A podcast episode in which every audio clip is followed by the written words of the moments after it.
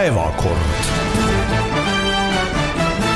tere, head kuulajad, Päevakorra saade alustab, stuudios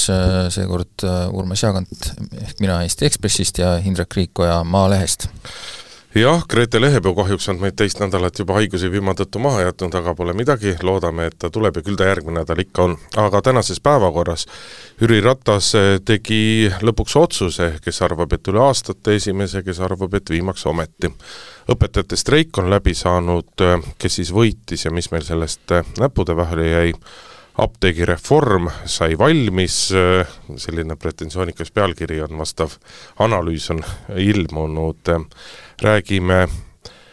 no võib vist öelda, et idavedude skandaalist äh, Eesti Ekspressis on läbi nädala ilmunud hulk lugusid sellest, kuidas äh, Eestimaal registreeritud ettevõtted jätkuvalt äh, Venemaaga äri ajavad ja räägime ka Riigikontrolli taastuvenergiat puudutavast analüüsist aga esimene punkt päevakorras äh, on lühidalt kokkuvõttes äh, Jüri Ratas tegi otsuse. Äh, me teame juba muidugi mõnda aega seda, või õigemini seda pinnast valmistati ja kobestati niimoodi kenasti ette, et see otsus tuleb ja ka mis su-, mis suunas see põhimõtteliselt tuleb, et ehk Keskerakonnast lahkumine, oli meil ka teada, sest et mitu sellist vihjet sinna suunda oli välja antud, nii et see kedagi ilmselt ei šokeerinud, ainus küsimus, mis oli püsti, et mis on siis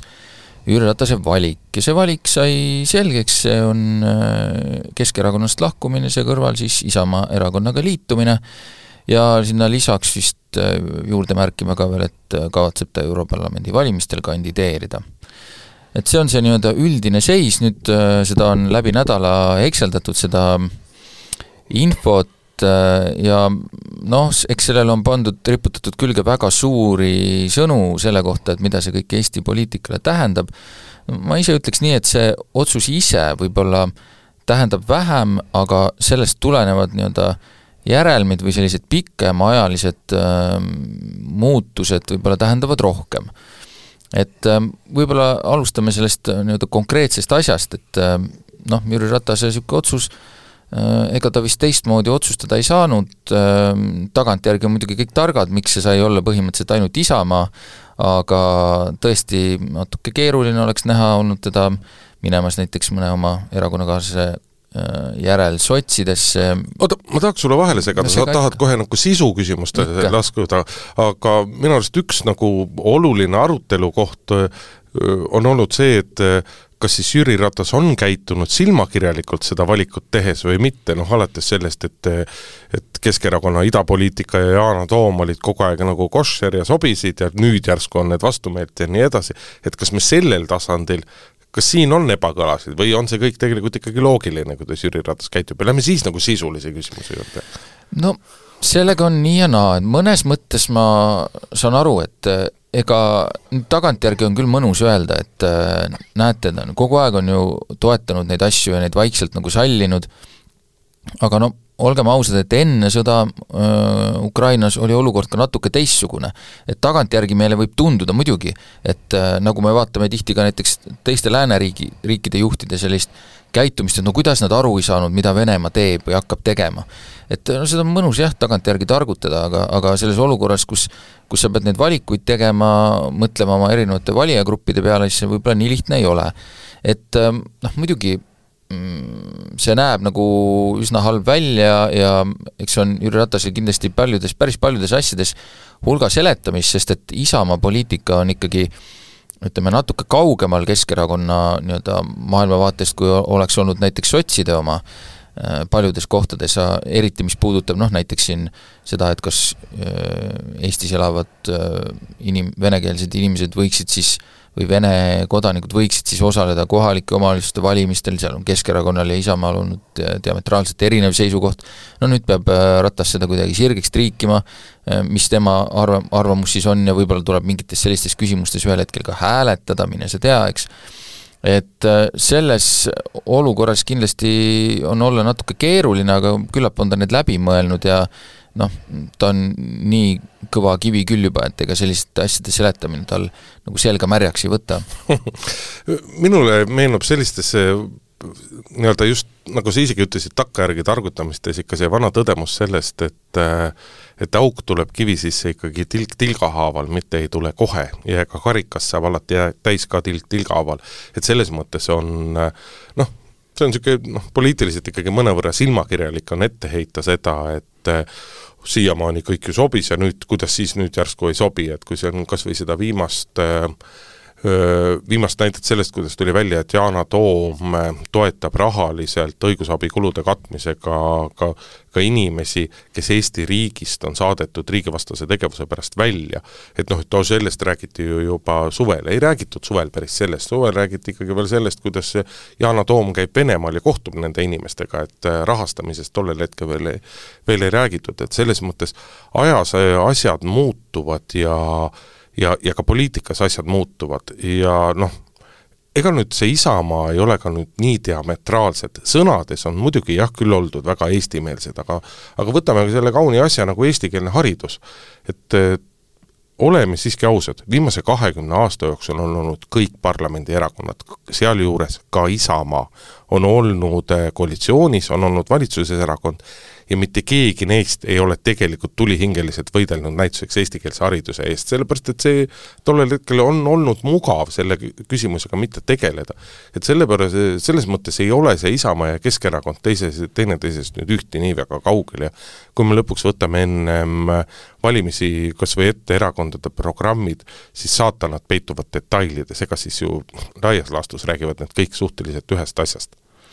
jah, aga kui me Isamaa juurde juba servapidi siis jõudsime, et äh, nemad on nüüd äh, noppinud sellise äh, noh, piraka mammu, eks, et mis, mis me siis nüüd äh, ütleme selle kohta, mis Isamaa sellest nagu saab, et et kui, kui mina sellele peale vaatan, siis see on, see on natuke sama asi, mis on olnud sotsidega viimasel ajal, kes on ka Keskerakonnast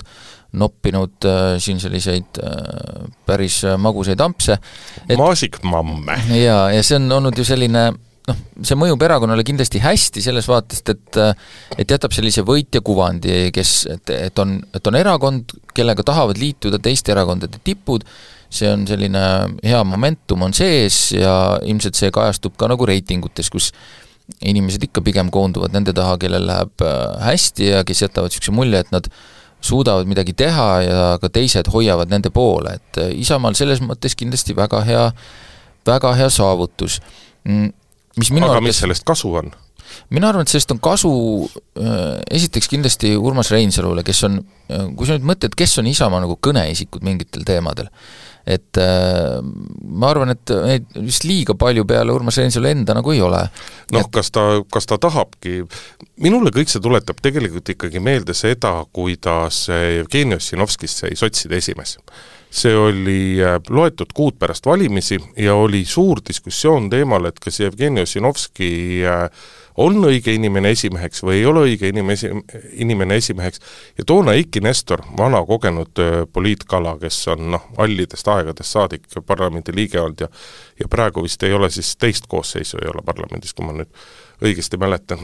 tema ütles toona, et, et kõik on õige, aga kõik see võiks toimuda natukene hiljem, sellepärast et selleks ajaks, kui tulevad parlamendivalimised, toona siis rohkem kui kolm ja poole, kolme ja poole aasta pärast jõuab Ossinovski maha käia. Ja täpselt niimoodi läkski.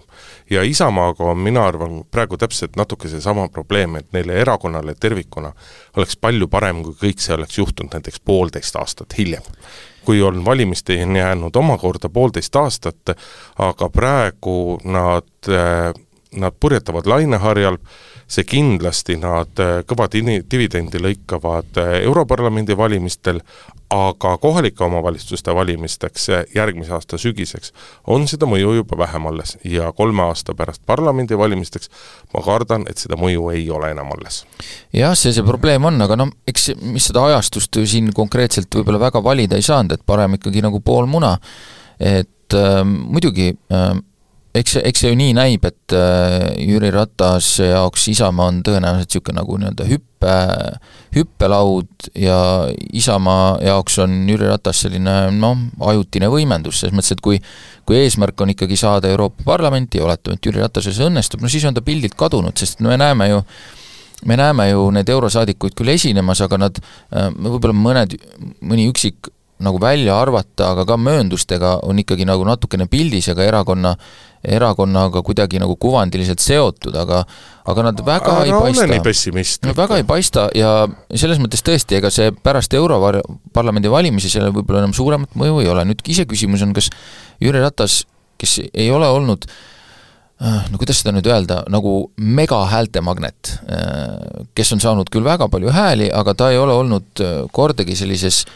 Andrus Ansipi, Kaja Kallase, Edgar Savisaare, Edgar Savisaare masti. ja ka Mart Helme masti, kui me mõtleme Mart Helmet Pärnumaal. Mm, jah, et seda masti nagu häältevõtja ta ei ole olnud ja, ja nüüd, nüüd on küsimus, et palju sealt nagu Isamaasse üle minnes nagu külge kleepub, sest et et ähm, noh, mingid valijad tulevad kindlasti kaasa, aga mingite valijate jaoks kindlasti äh, Äh, on see natukene devalveerib teda, kui inimene on ikkagi vahetanud erakonda, et äh, mõnedel on see hästi õnnestunud erakonnavahetus, kõigil ei ole. et siin, siin on see küsimus, eriti kui noh, me oletame, et Jüri Ratas ei kavatse Isamaa tegevuses nii sügavalt kaasa lüüa, et noh, ma ei tea, kandideerida seal erinevatesse juhtorganitesse või muud sellist, ehk siis mitte Isamaad nagu tasakaalust välja lüüa, Äh, vaid, vaid keskenduda Europarlamendi valimistele, siis, äh, siis ma ei tea, mis see häältesaak võiks nagu olla, et et Isamaal selles mõttes mm, noh, see kindlasti annab võimaluse saada, saada kaks kohta, kui on näiteks niisugune rivi nagu Riho Terras, Urmas Reinsalu, Jüri Ratas, et äh, see võib õnnestuda, aga seal noh, palju sõltub ka asjadest, mis ei ole Isamaa käes, ehk siis see, kuidas tegutseb koalitsioon nüüd ülejäänud valimisteni jäänud aja, et et kui nad jätkavad samamoodi, siis on Isamaal väga head šansid. vähe on räägitud ka sellest küsimusest, et äh, noh, eelkõige Urmas Reinsalu on seda esitanud kui, esitlenud kui sellist tublit töövõitu ja väärt täiendust, mis on erakonda lisandunud ja Jüri Ratase kogemus, äh, mis kõik veel. Aga samas, äh, kui rääkida nagu lihtsamate erakonna liikmetega, siis ega tegelikult vaimustust Keskerakonnast saabuvate inimeste osas nii liiga palju ei ole, eriti kui minna suurematest linnadest väljapoole, sellepärast et siiamaani nii-öelda Keskerakonna ja Isamaa vahel on ikkagi aastatepikkune olnud selline nii-öelda nagu põhimõtteline veelahe eriti seda, eriti Edgar Savisaare aegadel ja väga paljud lihtliikmed ei ole seda unustanud ja kui nüüd tuleb äh, Jüri Ratas, Edgar Savisaare õpilane, Edgar Savisaare mantlipärija, mis epiteete me siia veel võime lisada, siis see tegelikult ei ole äh, väga populaarne samm erakonna enda sees, vähemasti osade liikmete sees. mis mind kõige rohkem on tegelikult hämmastanud, ei olegi isegi mitte Jüri Ratase ega, ega Urmas Reinsalu ega Isamaa reaktsioon, vaid see, kuidas on Keskerakonna esimees Mihhail Kõlvart sellele reageerinud. kas ta on üleüldse, võime, kas me võime üldse öelda, et ta on reageerinud? ei, ikka on reageerinud, sellepärast et ta ju on ju erinevaid intervjuusid andnud, aga mind hämmastab kõige rohkem see, et äh, Kõlvartil on, äh, tal on käes erakond, kes on langeva reitinguga, kes on väga selgelt nii-öelda muutumas Vene erakonnaks. tal on käes seoses nende lahkumistega tohutu platvorm tohutu auditoorium ja tohutu tähelepanu. ja ta jätkuvalt kasutab seda ainult selleks noh, vabandust väljenduse eest, aga soigumisest, sellest, kuidas issand jumal, issand jumal, kuidas meie küll püüdsime, aga nemad, näed, nad ikka üldse ei tahtnud ja tegelikult nad juba ammu otsisid seda võimalust ja ammu ussitasid ja nii edasi. no puudus veel, et ta viimastes kommentaarides oleks jälle öelnud, et peab minema isa juurde ja küsima, et kuidas see parem eestlane olla, sellepärast et see kõik on ikkagi rahvuste pinnal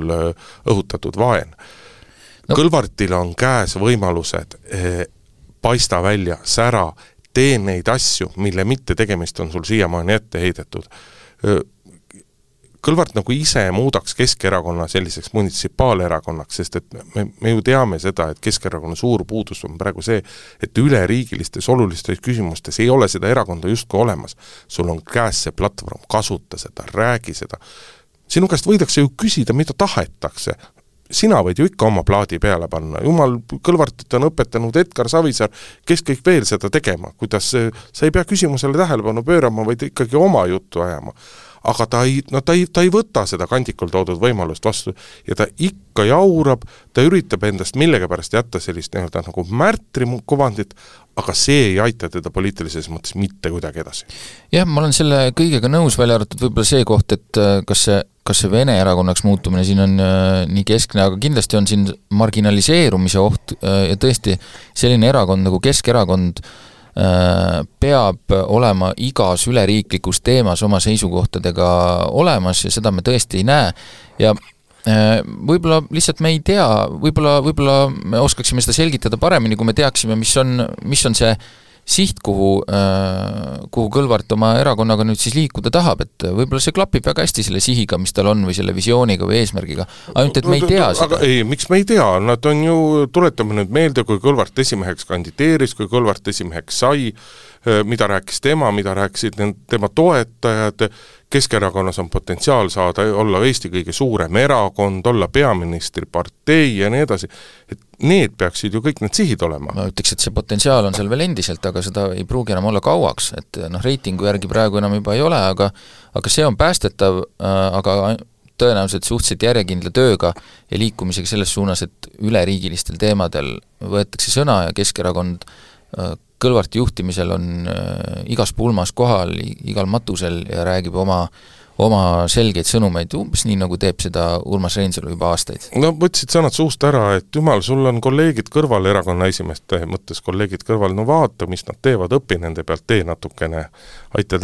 paremale järjele enna, ennast ja erakonnakaaslasi ka õpetajate streik äh, sai sellel nädalal läbi, paljudele õpilastele pettumuseks pidi kolmapäeval uuesti kooli minema, osadel õpilastel läks selles mõttes paremini, et kuna arvati, et tuleb ikkagi teine nädal streiki ka, siis vanemad olid juba perekondlikud puhkusereisid ootamatult sülle kukkunud ajalises raamis planeerinud, kõik puhkusereiside paketid Eestis olid välja müüdud, aga mis siis sellest äh, näppude vahele, näppude vahele meile jäi, õpetajad said juurde seitseteist eurot äh, palgaraha ühes kuus. ühe õpetaja kohta siis? ühe õpetaja kohta ja said juurde noh, mina ütleks ikkagi, et vägagi umbmäärase ja väga ähmase lubaduse selle eest, et äh, järgnevateks aastateks ikkagi mõeldakse välja nii-öelda uus palgakeem, palgaskeem, et kaks tuhat kakskümmend seitse ikkagi õpetajad keskmine palk peaks olema sada kakskümmend protsenti Eesti keskmisest palgast, lubati reforme õpetajate töökorralduse, karjäärimudeli ja kõige muu mõttes, aga ma ei saa kuidagi lahti sellest tundest, et, et õpetajad andsid liiga vara alla. No jaa, et no nüüd on see, et kus sina räägid nagu sisust, mis on oluline, mi-, mina vaatlen, vaatan siinjuures seda poliittehnoloogiat, mis on äh, ka imeline, et tõesti, natuke jääb niisugune mulje, minu, minul tekkis niisugune tunne, et õpetajad, õigemini siis Haridustöötajate Liit oli, oli väga lähedal sellele hetkele, kus see streik oleks ära hääbunud. et see, see juba nagu hakkas, siin noh, mõnedel pool see nagu lõppes, aga, aga ta ei olnud veel ametlikult läbi, aga mulle tundub, et seal oli päev-paar veel nagu minna, aga nii uskumatu see ei pea see... sulle tunduma, tegelikult see nii oligi. jah, aga nii uskumatu, kui see ka ei ole, kes tõmbasid õpetajad sellest seisust välja, Reformierakonna koalitsioonipartnerid, kes viimasel hetkel viskasid päästerõnga, äh, kraapisid oma ministeeriumite pealt kokku need miljonid ja ilma Reformierakonnata. ilma Reformierakonnata ja äh, siis me nägime, kuidas äh, Haridustöötajate Liit, mis oli varem nõudnud seda kümmet miljonit, no mitte väga jäigalt, no ikka suhteliselt jäigalt, oli, oli ropsti nõus selle viie koma viie miljoniga, käed löödud, vähe vaatasid et äh, selles mõttes ikkagi mul, sellest jääb kõigest jääb mulje, et see asi oli nii-öelda, see streik oli põhjaminemise äärel, ehk siis teiselt poolt vaadates Reformierakond oli lähedal sellele, mida nood äh, tõenäoliselt soovisid, ehk siis et see streik ei tooks tulemust, aga streigile tõid, me võime siin arutada, kas see on hea tulemus või mitte, streigile tõid positiivse tulemuse äh, Reformierakonna kahe koalitsioonipartneri tegutsemine. ja niisugust asja ei ole mina päris ammu näinud. me ei, me saame jah, seda mõne aja pärast öelda, umbes poole aasta pärast saame öelda, kas, kas sellel streigil oli hea tulemus või ei olnud hea tulemus ja see sõltub just nimelt sellest, et kas nüüd siis suudetakse, suudetakse panna õpetajatele kokku mingisugune, korraldada neile mingi normaalne tööajareform, mingisugune vähegi mõistlik karjäärimudel, kas, kas RES siis sigineb riigieelarve, riigieelarve strateegiasse, sigineb siis ikkagi väga selge nii-öelda palgatõusu kava, selgete aastanumbrite ja selgete protsentidega, et selle saja kahekümne protsendini jõuda, et siis saame me seda edukust öelda, aga noh, kui küsitakse, et kes sellest streigist nagu kaotas kõige rohkem, siis vaieldamatult kaotas tõesti Reformierakond ja kaotas sellepärast, et äh, Reformierakonnale tehti ära. Neil oli endal tegelikult palju võimalusi nii-öelda sellest võitjana väljuda, aga minu jaoks nagu täiesti arusaamatutel põhjustel Reformierakond ei võtnud kandikul vastu seda, neid võimalusi, mis teile pakuti, sest et noh, tegelikult riigieelarve kontekstis käis kemplemine eh, pisiasjade pärast, eh, peenraha pärast. Ja noh, see kõik ei väärnud neid küünlaid Reformierakonna seisukohalt. no eks siin on jah, et äh, selle kaotuse vormistasid Reformierakonnale nende enda koalitsioonipartnerid ja ma olen nagu huviga jälgin, kuidas see, kuidas see asi edasi läheb, sest et noh, mingi loogika ütleb, et poliitikas sellised asjad nii-öelda kättemaksuta ei jää, aga kuna tegu on koalitsiooniga, siis äh, no vaatame, vaatame, aga noh, natuke siin võib muidugi küsida ka seda, et et äh, Eesti kakssada ja sotsid sellise noh, päris vinge triki nagu poliitilises mõttes nagu tõmbasid, aga kui nüüd vaadata, nüüd on vaadatud ka sisse, et kust siis, kust siis see raha tuleb, ega, ega kõik täpselt ei teagi, aga juba on sealt leitud ka näiteks, et noh, seal Siseministeerium pidi kolima äh, superministeeriumi majja ära vanalinnast. no ma saan aru, et nüüd see kolimisraha siis läheb äh, õpetajatele ja see jääb äh, nagu toimumata no, no iseenesest Läänemets tõmbas kaks kärbest ühe hoobiga, eks ole, et et õpetajate seas sai natukene positiivset ja ministeeriumi ametnike seas on aga... ka nüüd populaarne et ükski ministeerium ei taha sellesse õnnetusse või ükski ametnik ei taha sellesse õnnetusse superministeeriumisse kolida. no see selleks, küsimus on selles, et see raha äh,, ega, ega Siseministeerium ei koli ju igal aastal äh, mis tähendab seda, et see on ühekordne kulu, mis nüüd ära jäeti, aga, aga see raha läheb õpetajate palkadeks, mis tähendab, et see palgatõus, see ju jääb. ehk siis kust, noh piltlikult öeldes, kust jä-, kust järgmine aasta Siseministeerium võtaks selle, selle, need sajad tuhanded, mis nüüd anti äh, õpetajatele, ega seda ei ole järgmisel aastal kuskilt võtta, sest et siis ei ole ju mingit kolimisraha kusagil. nüüd sa et... nagu, sa, sa tõttad sündmustest ette, sa, sa, sa justkui nagu tekitad eelduse nagu poliitikud tavaliselt nagu mõtleksid pikas perspektiivis ja mitme aasta no, pärast jah. peale ette, Urmas, ei ole see nii, sa, sa ju näed seda, et see ei ole nii. jah, lihtsalt, et äh, ma kardan, et, et okei okay,, see trikk oli nagu vägev, äh, selline mustkunst, mida tehti, aga see võib Eesti kahesajale ja sotsidele siin natukene ka tagasi lüüa, et, et kui kui järgmistel aastatel on vaja seda raha kuskilt leida, on ju, noh eks loodetakse selle peale, et küll RES-is siis midagi lepime kokku mingil hetkel järgmistel aastatel ja siis pole nagu probleem, et see on praegu selline noh, kiire augu lappimine. aga jah, laias plaanis poliit, kui see poliittehnoloogia kõrvale jätta, siis tõesti noh, ma olen nagu pelglik selle osas, kas need nii-öelda läbirääkimised, kus nüüd lüüaks, luuakse jälle mingisugune mitu toatäit töögruppe ja hakatakse seda asja nagu harutama, et, et kuhu see nagu jõuab, et ma, ma loodan, et see peab paika, mm, aga ma olen varasemate kogemuste pealt natuke skeptiline, et kuhu, kuhu sellised nii-öelda laia plaani reformi arutelud nagu jõuavad, et et äh, ilmselt mingi tulemus seal peab olema, sest nii on lubatud, aga kas see saab olema ka sisuline ja kas see saab olema nii märkimisväärne, et see tõesti ka mingi suurema muutuse kaasa toob, noh, seda ei julge veel nagu arvata, aga oleme positiivsed, äkki ikkagi, äkki ikkagi õnnestub. poliittehnoloogiliselt äh, oli äh, tegelikult nii-öelda Reformierakonnale maksis praegusel hetkel kätte see nende ülitugev valimistulemus ja ülitugev positsioon ja see polariseerumine, mis on nii-öelda, mis on parlamendis tekkinud, kus Reformierakonnal on, on kaheldamatult ülisuur osa, kui mitte kõige suurem osa, sellepärast et noh, sa ütlesid, et, et selline, selline väljaastumine või, või selline vastutöötamine ei, ei, ei tohiks jääda karistuseta tõenäosusteooria järgi tavaliselt on Reformierakond seda karistanud viisil, et ta on mingil ajal, on see siis aastakene või poolteist enne valimisi, lihtsalt äh, selle ühe ebameeldiva koalitsioonipartneri välja vahetanud. tänasel hetkel ei ole Reformierakonnal sisulist võimalust koalitsiooni muuta, kuna noh, neil ei ole lihtsalt kedagi asemele võtta, praegu on selge, et ei Isamaa ega EKRE ei tule koalitsiooni Reformierakonnaga või selle jaoks, et Isamaa oleks valmis tulema peab tegema Reformierakond noh, seninägematuid järeleandmisi ja, ja peab oma näost sisuliselt nagu loobuma. ja Keskerakond on jäänud nagu nii väikeseks jõuks, et temast ei ole koalitsioonis nagu mitte mingisugust kasu, sest et mis sa selle kuue kohaga parlamendis ikka nagu ärpled. Ja Eesti kakssada ja isa, Eesti kakssada ja sotsid said näidata Reformierakonnale, et, et teil võib olla nii tugev äh, positsioon, eks ole, parlamendis, aga see ei loe, me saame teile ikkagi ära teha. et äh, Reformierakond üritas justkui nii-öelda näidata, et nemad on oma põhimõtetele truud, lootsid pikas perspektiivis sellest nii-öelda pikema õlekõra korje tõmmata, aga praktikas see nii ei ole. no ühe asja ma Reformierakonna kaitseks siiski nagu ütleks, et äh, see nüüd küll ilus ei ole sinust. arvad jah? et äh, see asi, see jutt, mida nad olid varem rääkinud, et äh,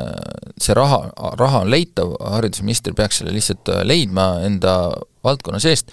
no see osutus ju tegelikult osaliselt tõeks. et äh, rääkis ju Kristina Kallas haridusministrina, kuidas ei ole, ei ole, ei ole, no lihtsalt ei ole võimalik ja nüüd ikka leiti, midagi ikka leiti. et selles mõttes ähm, see oli muid-, see oli muidugi nende kahe väiksema äh, koalitsioonierakonna nõr-, plaani nagu nõrk koht, mulle tundub. et äh, siin on, seda on ka Reformierakond juba ära kasutanud, aga see ei ole väga kõlama jäänud, aga tõepoolest ju öeldi, et äh, seda raha ei ole ja kui surve läks piisavalt suureks, siis nagu ikkagi leiti, et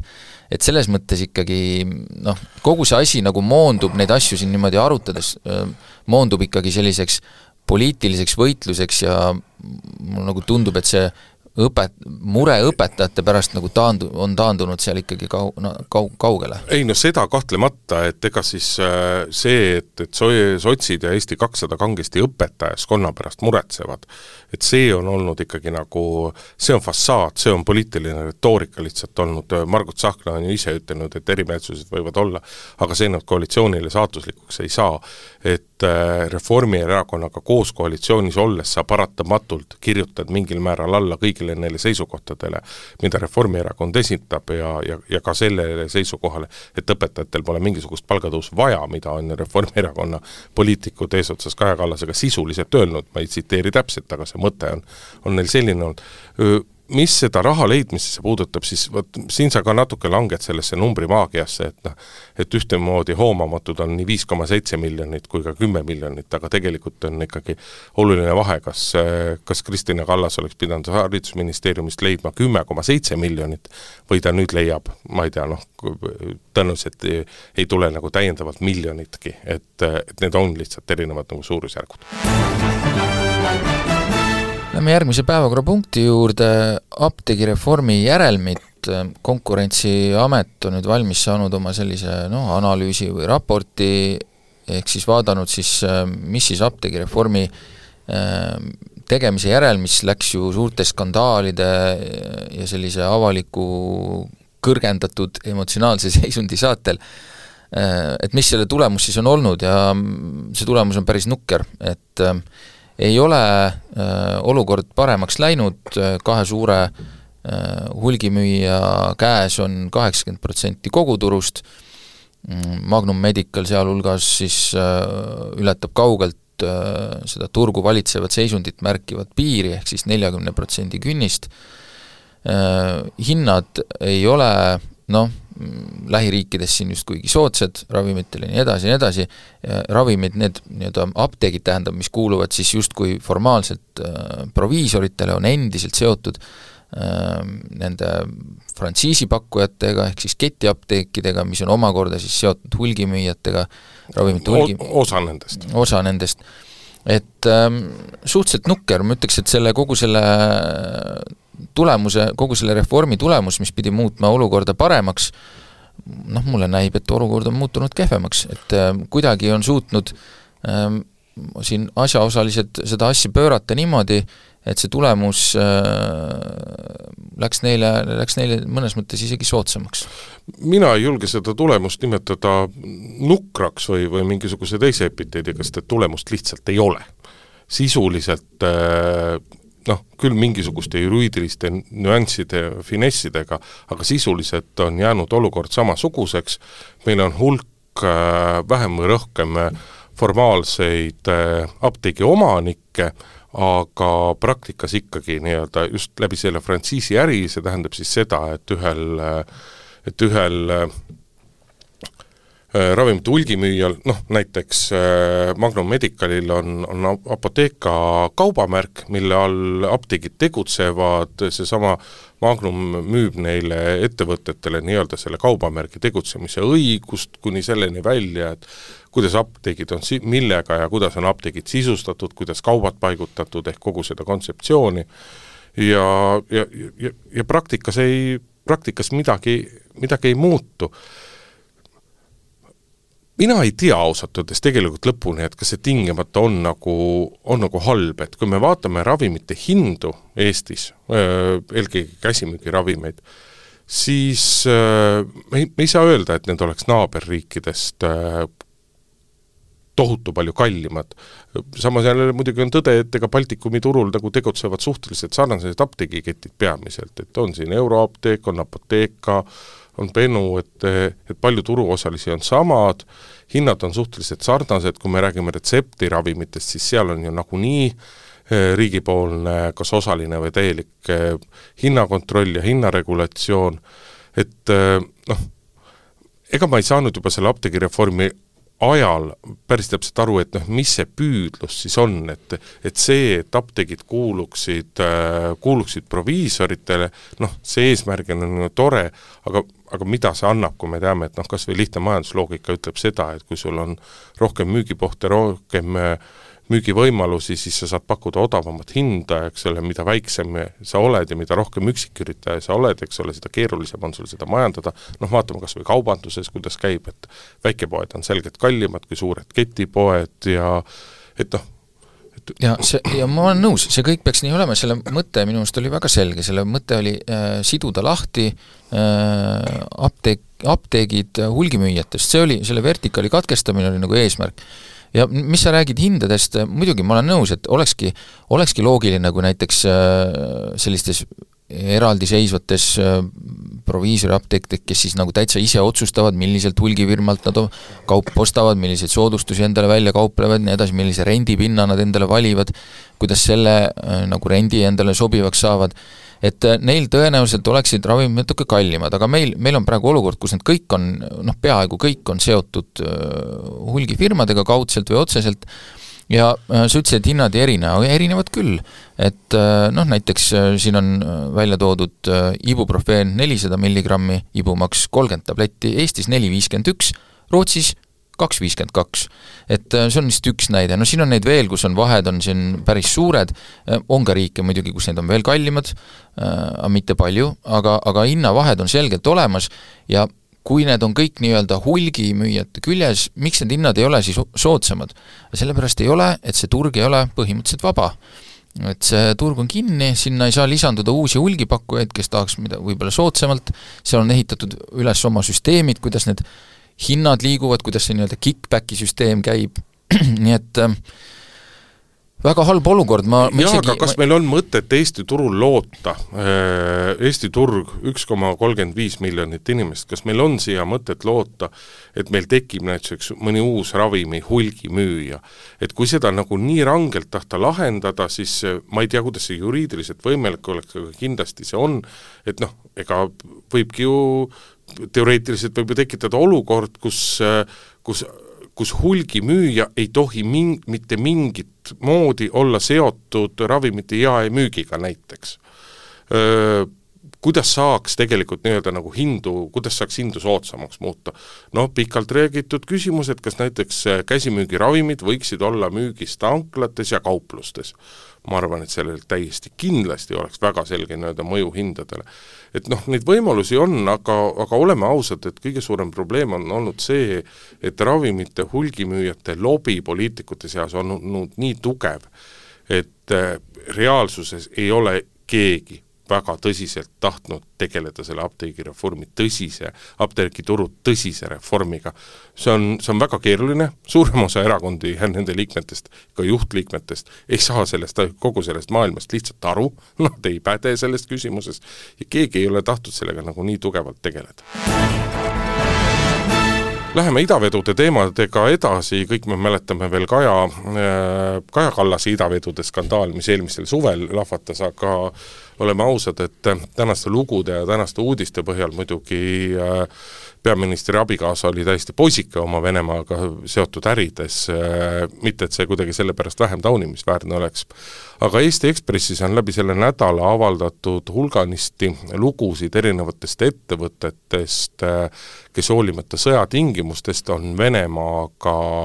äri edasi ajanud, sest et sugugi mitte kõigis vald-, kõikides valdkondades ei ole sanktsioone kehtestatud, mõnel pool, kus neid sanktsioone sanktsioone on, on selgelt orienteeritud ümber näituseks seal Kasahstani turule või kuhugile mujale, kust noh, avaliku saladuse korras kõik need kaubad ikkagi Venemaale edasi,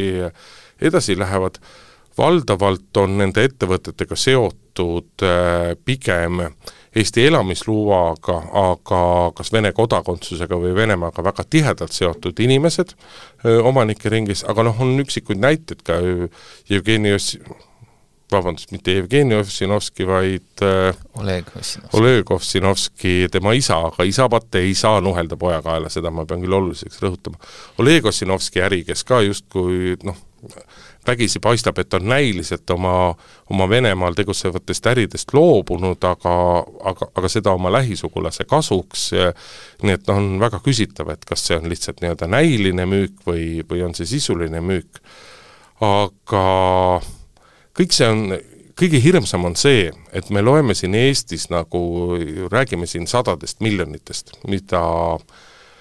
mis liiguvad, sadad miljonid eurod, mis liiguvad kaubavahetuses Venemaaga, aga olulisem küsimus on tegelikult see, et kui me vaatame Euroopasse laiemalt, siis äri Venemaaga käib väga suure hooga edasi.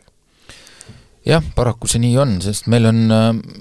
nagu ka Martin Laine nende lugude aut-, autor, üks autoritest äh, on, on kirjutanud ka juhtkirja ja natuke seda niimoodi nagu kokku võtnud ja nagu noh, põhimõtteliselt ega seal muud polegi kui tõdeda, et lihtsalt need, see rahvusvaheline äri paraku on nii, et äh, raha maksab ja nendel, kes on sanktsioonide all või kes sinna üritatakse panna, nendel on palju raha ja nemad leiavad äh, paraku ka viise, kuidas nendest mööda minna, kuidas leida selliseid kõverteid ja lihtsalt mm, regulatsioon mis tahab olla võimalikult niisugune üldine, võimalikult äh, mm, haarata nagu võimalikult palju korraga, äh, jätab ikkagi mingeid selliseid nurki, kust pääseb läbi, nüüd küsimus on see, kas neid on jäetud meelega, neid äh, nii-öelda läbipääsukohti, torusid, kus saab läbi pugeda, või, või on need lihtsalt nagu, lihtsalt nagu jäänud, sest kõige peale nagu ei suuda mõelda, kõike ei saa ära reguleerida, mingitel juhtudel äh, jäävad kannatajaks kui väga tihedalt minna reguleerima, jäävad kannatajaks ka need, kes ei peaks kannatama ja nii edasi, et see on, see on tõesti keeruline küsimus, samamoodi on keeruline küsimus, ma suudan mõista näiteks mingisuguseid ettevõtjaid, kes ütlevad, et äh, kui nad, äh, kui nad nüüd need lepingud, mis neil näiteks mingi Vene firmaga on ammusest ajast, järsku ära katkestavad, see tähendab neile väga suurt kaotust, sellepärast et trahvid on ju sees nendes lepingutes, need tuleb ju pärast, küllap minnakse neid tagasi nõudma, välja nõudma kuskile arbitraažidesse ja mujale ja selle tulemuseks on lihtsalt see, et äh, sa jääd ilma mingitest, mingist tulust, jääd ilma, ma ei tea, masinatest ja sulle väänatakse veel trahv ka, et äh, kõige kurvem minu arust ongi nagu see, et meie oma vabadusi saab meie vastu ära kasutada, et äh, Euroopas on väga suur põhimõte, et omand on, eraomand on puutumatu äh,, hästi tähtis on nii-öelda kaubandusvabadus ja muud sellised asjad, ja neid kasutatakse meie endi vastu ära, äh, paraku see nii on. ja noh, ma arvan, et ega meil ei jäägi muud üle, kui, kui selliseid asju nagu avalikustada, rõhuda võib-olla selle nagu moraalse külje peale, näidata, et, et võib-olla mõned inimesed ka ähm, kedagi süüdistamata otseselt on võib-olla näinud vaeva selleks, et leida selliseid ümbernurgateid, mõned ettevõtted kindlasti on ka päriselt hädas. äh,, et ähm, me saame ainult seda nagu sis-, sisse valgustada ja loota, et need nagu mõjutavad seda protsessi või neid asju kuidagi, aga noh, laias plaanis äh, sellel väga suurt tulemust ei ole, muidugi peab, peab sinna kõrvale ütlema, et et need äh, üleüldise selle kaubavahetuse kõrval ikkagi mm, ei ole nüüd väga suur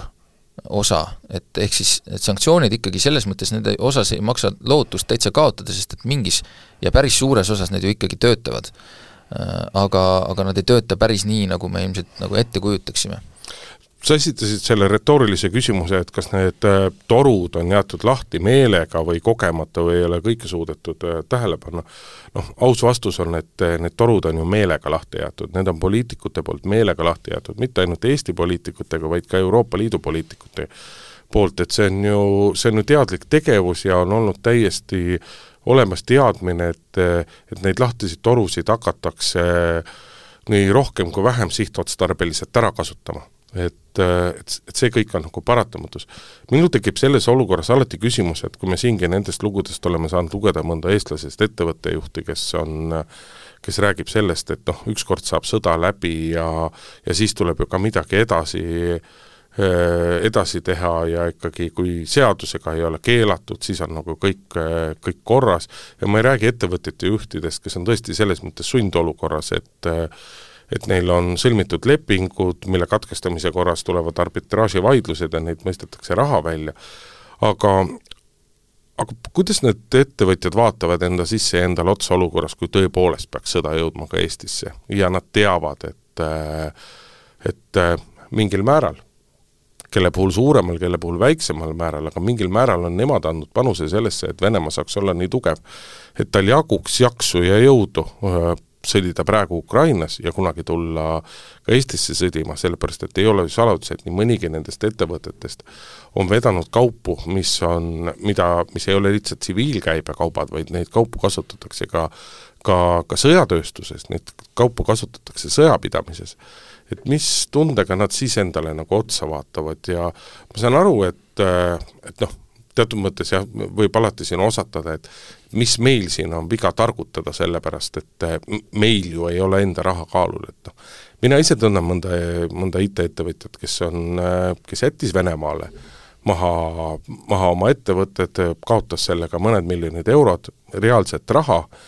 ja ütleb, et on küll sant tunne, aga kuidas ma nagu teistmoodi oleksin saanud teha, et, et see ei ole ainult, see ei ole ainult targutajate seisukoht või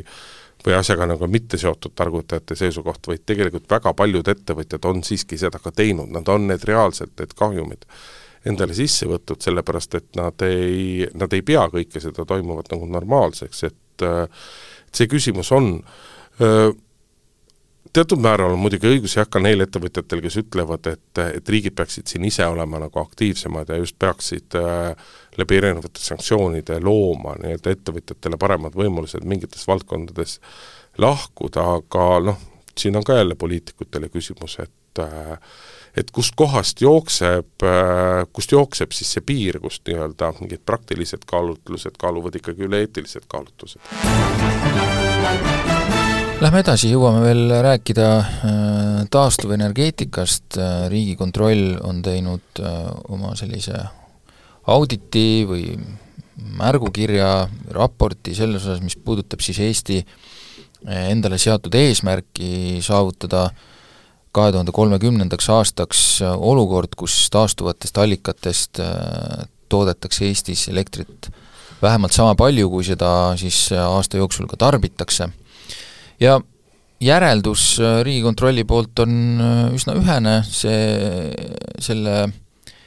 eesmärgi saavutamine on kaheldav ja kui Riigikontroll kasutab sõnadust, sõnastust kaheldav, siis see tegelikult tõlkes tähendab, et pigem on see võimatu või siis saavu-, seda ei ole võimalik täies mahus saavutada. et äh, noh, ei saaks ju öelda, et see nüüd äh, on selline järeldus, mis on kuidagi nagu põrutav, et äh, eks sellest, sellest on ju aimu olnud ka varem, me oleme siin rääkinud ka, et kuidas meil neid tuulikuid näiteks ei kerki sellises tempos, nagu vaja oleks, no võib-olla nüüd juba on nagu asjad liiguvad kiiremini, aga vahepeal kaotatud aastad äh, tähendavad seda, et siis, kui need valmima hakkavad, siis need kindlasti selleks õigeks ajaks ei jõua. Ähm,, noh, ühelt poolt võiks küsida, et aga mis siis, kui ei jõua aastaks kaks tuhat kolmkümmend, oluline on see, et on, on nagu asi käigus, meil on seatud mingi eesmärk ja me selle poole liigume, noh, jääme viis aastat hiljaks, rohkem aastaid hiljaks, ähm, midagi ikka, et äh, vähemalt me nagu liigume, me ei seisa paigal teistpidi on muidugi kahju nendest aastatest, mis, mis vahepeal on kaduma läinud ja muidugi erakordselt keeruline küsimus, mille Riigikontroll välja toob, on ka see, et kas sellest kõigest üksi ikkagi piisab? mina alustaksin selles mõttes rohkem nüüd algusest, see küsimus, et kas sellest kõigest piisab, on õige, aga noh, see, see tuleb pärast hulki teisi küsimusi, et Riigikontroll avaldas äh, avaldas oma siis ka selle mm, hinnangu ja, ja tegi ka pressiteate ja, ja siin juba selle pressiteate avalõigus oli üks väga tähenduslik äh, lause. kliimaministeerium ning Regionaal- ja Põllumajandusministeerium on küll mõneti kiirendanud tuuleparkide rajamist, kuid nood meetmed ei tee oluliselt kiiremaks nende planeeri-, planeeringute ja keskkonnamõju hindamise menetlusi, mis on juba varem alanud ja mille mõju aastaks kaks tuhat kolmkümmend seatud eesmärgi saavutamisele on kõige suurem. tegelikult on meil juhtunud see, et kui äh, äh, nüüd siis juba rohkem kui kaks aastat tagasi äh, energia ja elektrienergia nii-öelda kiire hinnatõus alguse sai, sest et see mäletatavasti ei käinud mitte ühte jalga äh, Ukraina sõjaga, vaid hakkas juba siin neli-viis kuud ennem seda hakkas pihta see hinnatõus. et siis räägiti ja siis oli nagu see noh, see, see hinnaprobleem oli vast-, väga suur ja, ja hinnad käisid tõelises, tõelistes kosmostes ja, ja inimesed said üüratud elektriarveid. aga siis läks mööda niisugune aastakene ja hinnad hakkasid langema. ja nii-öelda samavõrra, kui on langenud hinnad, samavõrra on langenud uuesti ka, poliitikute ja omavalitsustegelaste nii-öelda tahe ja viitsimine selle probleemiga tegeleda, sest et noh, kui hind ei ole nii kõrge, siis tundub justkui nagu noh, ei olekski probleemi. et jah, teoreetiliselt me võime küsida, et kas see eesmärk, et noh, on siis vahet, kas kas me saavutame oma eesmärgi kahe tuhande kolmekümnendaks aastaks või kolmekümne viiendaks aastaks. ega seal muud vahet ei olegi, kui sellel on väga selge mõju elektrienergia hinnale, hinnale just nii-öelda sellistes erilistes olukordades, kus ta tõuseb taevasse, on see siis külm hind, on see siis kuskil mõne elektrikaabli äh, purunemine, noh, me näeme ju täna seda olukorda, kuidas nii-öelda Eesti-Soome vaheline elektrikaaber on kahjustatud ja, ja, ja juba, juba päevi maksavad eestlased vaata et Euroopa ühte kõrgemat elektri hinda ja, ja kordades kõrgemaid hindu, kui näituseks soomlased maksavad siit noh, üle lahe. ma ei hakka rääkima Soome äh, sissetulekutest ja kõigest, kõigest muust nendest asjadest. et äh, selles mõttes see on, see on pagana kahetsusväärne, et juhtunud on see, et meil oli väga selge probleem, kõik said aru, et selle probleemiga tuleb kiiresti tegeleda. aga nii, kui see probleem ei ole enam nii akuutne, nii kohe kahaneb poliitikute valmisolek selle, selle küsimusega tegeleda. ja tegelikult tehakse kõige suurem karuteene selle mitte midagi tegemise või selle venitamisega elanikkonnale. jah, ja meil on ikkagi vaja üks oluline asi kuidagi mõista või saada aru sellest, et äh, ükskõik, kui, kui palju me ka ei taha jõuda selle nii-öelda taastuvenergeetikaga nii kaugele, siis on meil vaja äh, juhitavaid võimsusi, nagu ütleb ka Riigikontroll, meil on neid vaja äh, eriti seni, kuni nii-öelda need muud võimsused valmivad, aga tõenäoliselt ka siis, kui need olemas on, sest et salvestuslahendusi meil endiselt veel ei ole ja aga ka neid on vaja, et me peame selle hästi mitmekesiseks, selle süsteemi ehitama, sest et muu seda hinda äh, sellise stabiilsena ei taga, kui lihtsalt see, et me oleme varustatud, see äh, elekter on olemas, vajadusel ükskõik millise ilmaga ja ta on äh, õigel sagedusel, eh, ehk ei riku ära meie seadmeid, äh, ja me saame seda noh, parimal juhul ka müüa ja halvimal juhul, kui, kui puudu jääb, saame teiste käest osta, ehk siis ühendused samamoodi, et see on nii kompleksne süsteem, et siin ei ole võimalik lahendada ainult ühte nurka, vaid tuleb tegeleda sellega kõigega korraga. Ja tõesti, see nii-öelda puudus kõige suurem on võib-olla just nimelt nendes taastuvallikates, aga sama suur on see puudus ka äh, salvestusvõimsustes, ühendustega, ka seal tuleb arendada, aga võib-olla on olukord natuke parem ja mingisugused jaamad äh, õudsed, koledad ja mustad, aga siiski toodavad, kui seda vaja on, ja kallilt muidugi, aga noh, mis parata, et me midagi saame ikkagi nagu juhtida ja mingi nagu äh, tugi on meil sealt olemas, nii et äh,